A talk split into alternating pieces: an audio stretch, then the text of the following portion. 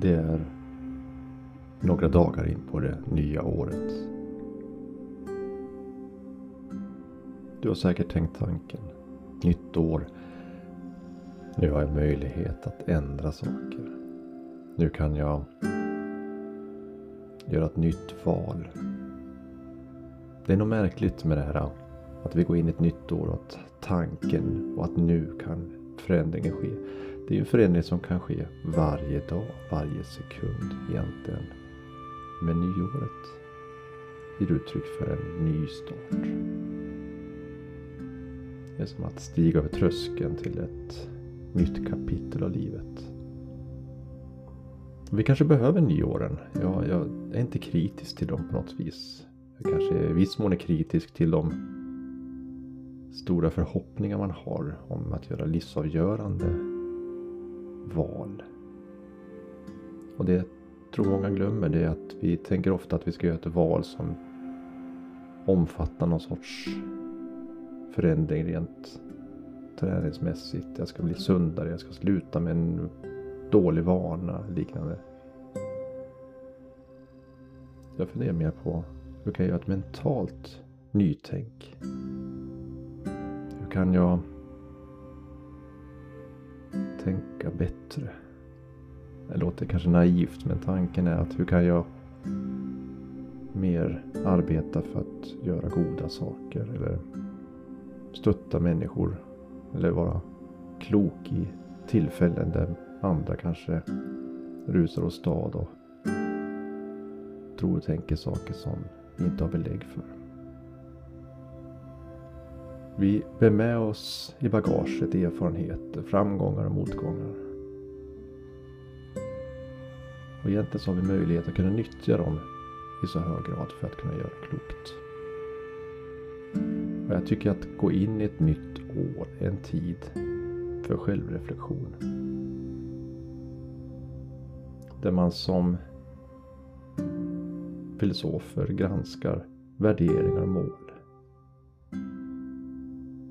Kanske snarare handlar om vad är våra djupaste önskningar? Eller vad ger våra liv mening? Får jag en högre mening om jag tränar stenhårt för att bli den här sommarkroppen som vi några månader innan sommaren kommer få se i löpsedlarna? De kanske inte är lika viktigt. Frågan är vilka är just våra djupaste önskningar? Genom att ställa de här frågorna kan vi närma oss det nya året med medvetenheten om vår egen existens och sträva att leva i enlighet med våra mest grundläggande övertygelser.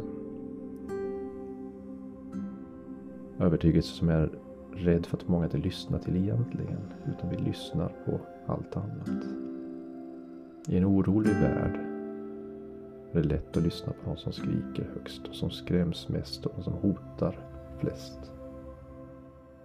Istället för att lyssna på dem som vill väl, tänker klokt, vet vad de talar om och har en plan.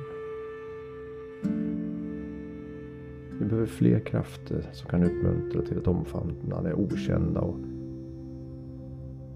göra kloka val.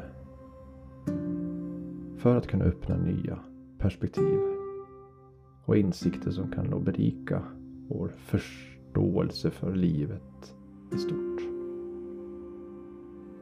Och jag tänker ändå att nytt år, då går man in i någon sorts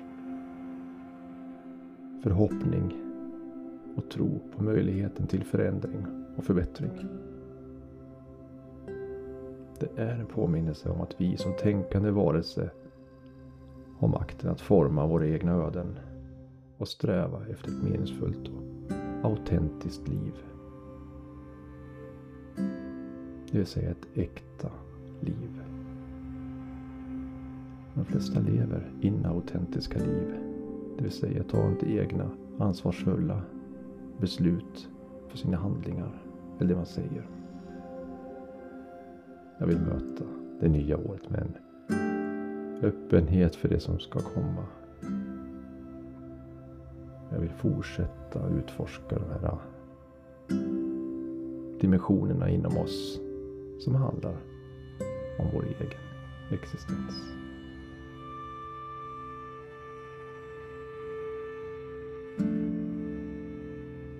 Sköt om dig.